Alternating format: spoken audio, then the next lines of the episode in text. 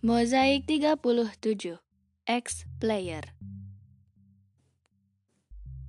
Minggu pagi yang menyenangkan, perayaan Hari Kemerdekaan 17 Agustus Semarak. Perahu-perahu nelayan di dermaga berwarna-warni karena di haluannya dipancang tiang kecil dan di tiang itu berkibar bendera merah putih yang juga kecil dari kertas kajang. Sesama mereka, bendera-bendera kecil itu seakan saling melambai dan bercakap-cakap. Toko Afung pas di depan warung kopi paman punya tiang bendera yang tinggi meskipun kepala kampung ketua Karmun menyarankan agar bendera dipasang mulai 10 Agustus, Afung sudah menaikkan bendera sejak 1 Agustus. Paman tak mau kalah, tahun ini ia memasang tiang bendera bambu betong yang lebih tinggi dari tiang bendera Afung. Benderanya juga ia kerek sejak tanggal 1, tapi bulan Juli. Setiap tahun, Paman dan Afung selalu bersaing tinggi-tinggian tiang bendera dan dulu-duluan mengerek merah putih. Warung kopi baru saja buka. Paman duduk di kursi malasnya sambil membaca buku Neraka Jahanam. Jika paman membaca buku itu, satu firasat selalu menusukku. Ia pasti akan marah, meskipun pandangan itu tak selalu benar. Faktanya, paman dapat marah sembarang waktu tanpa alasan apa pun. Jika matahari menerpa wajahnya lalu ia bersin dan lupa memegang selangkangnya, hal itu lebih dari cukup baginya untuk mendaprat kami sepanjang hari. Angin pagi bertiup semilir, burung-burung dara menggerung-gerung mesra. Warga Tionghoa membuka deretan papan penutup tokonya sambil menyapa orang-orang yang lewat. Pasar masih sepi dan lambat, lalu pecahlah kedamaian itu. Paman bangkit dari tempat duduknya, langsung marah dengan tingkat apokaliptik, persis buku yang tadi dibacanya. Siapa yang berhak dimarahi? Kami jongosnya seretak menunjukkan tangan tinggi-tinggi. Siapa yang berhak memarahi? Kami menunjuknya dan ia langsung ke pokok omelan. Kita ini sudah menjadi warga negara yang baik. Kita tak pernah protes-protes. Kita selalu tunduk patuh pada hukum. Kita sudah membayar pajak. Tapi tengoklah, tengoklah balasan pemerintah pada kita. Harga-harga dinaikkannya sekehendak hatinya. Sebenarnya ini marah kemarin yang tertunda dan jika paman marah kami otomatis harus menghentikan apa pun yang sedang kami kerjakan untuk menyimaknya. Dan jangan coba-coba tak acuh, perkara bisa runyam. Politisi, anggota DPRD, menteri pendidikan sama saja. Mereka selalu bicara atas nama rakyat. Tahukah kalian, kalau mereka bicara atas nama rakyat, mereka bicara atas nama saya.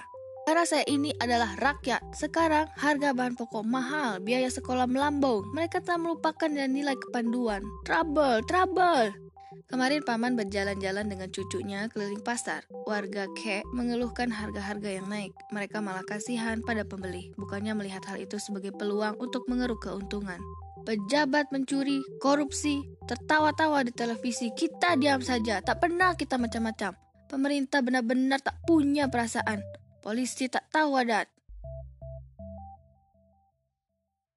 Pamanda, Pamanda, Seorang lelaki muda memanggil paman. Lelaki itu berdiri di belakang paman bersama istrinya dan seorang anak perempuan kecil yang mungkin berumur tiga tahun. Anak itu menggemaskan sekali, tembam dan berkuncir kuda.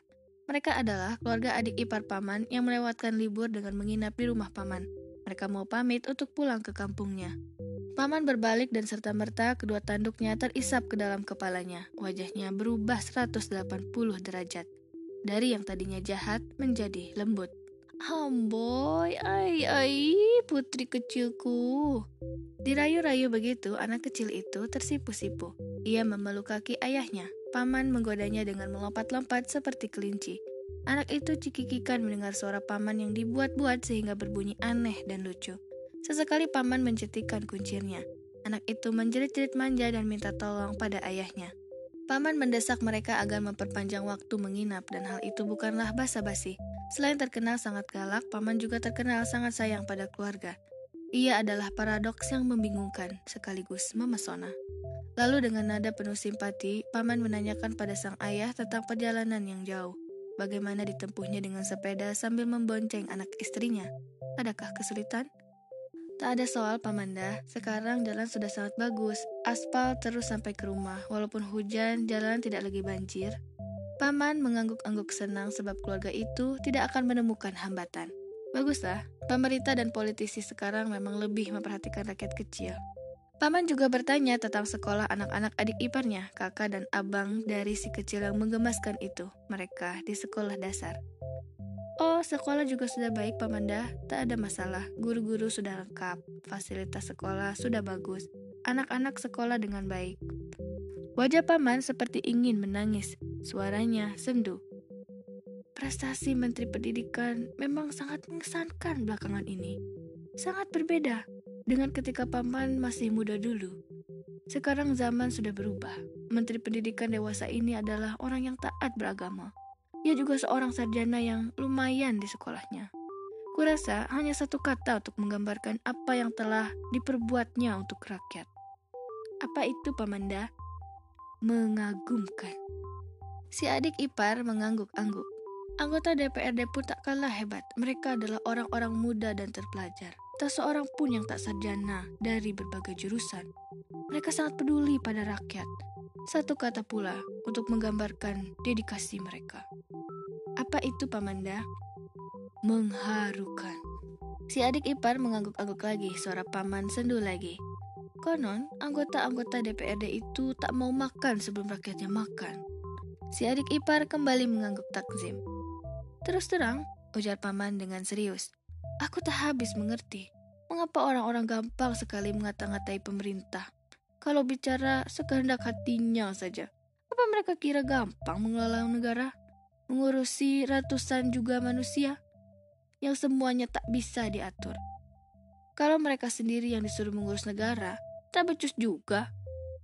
Paman menepuk-nepuk bahu adik iparnya, seakan banyak sekali hal di dalam pikirannya yang ingin ia tumpahkan, tapi ia tahu bahwa keluarga adik iparnya itu ingin pamit. Keluarga kecil dari kampung yang bersahaja itu mengucapkan salam. Mereka beranjak. Paman memandangi mereka sampai jauh, sambil melambai-lambaikan tangannya.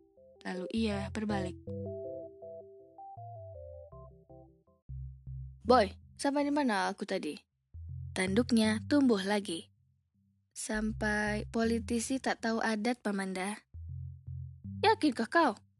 Yakin Pamanda. Mendengarkah kau apa yang kubicarakan tadi?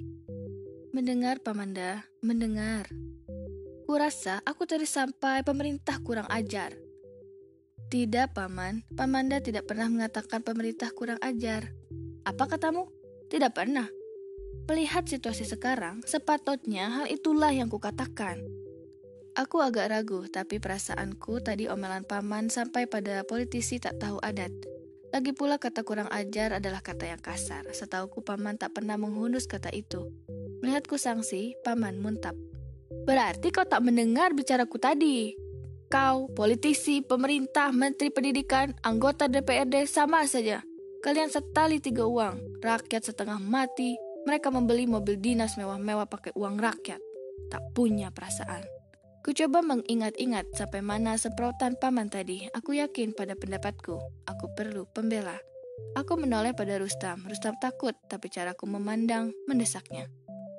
Benar, Pamanda. Tadi Pamanda sampai politisi tak tahu adat. Paman terlanjur murka. Kau dan Ikal, bujang lapuk karatan, telinga wajan. Baiklah, kuulangi lagi. Seandainya tak muncul Aziz dan Mizi, gerutuan itu belum akan berhenti.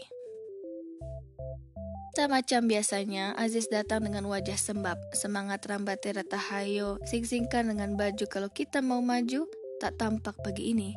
Lalu dengan pedih ia berkisah padaku bahwa ia merasa telah dizalimi klub di timur matahari. Katanya ia ditumbalkan dalam persekongkolan untuk menggiring Mariamah menuju Patriot Rikora tempo hari. Muslihatnya adalah ia disuruh Mitoha mengalah pada Maksum.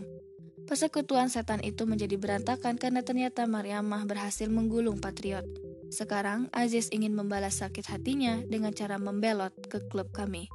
Niat Aziz kusampaikan pada Selamat, Kioknio, dan Detektif Emner. Selamat menjawab dengan gaya politisi. Nama klub kita, kemenangan rakyat adalah kebahagiaan kita semua. Semua itu berarti dari rakyat, oleh rakyat, dan untuk rakyat. Maka kita harus bersedia menerima siapa saja.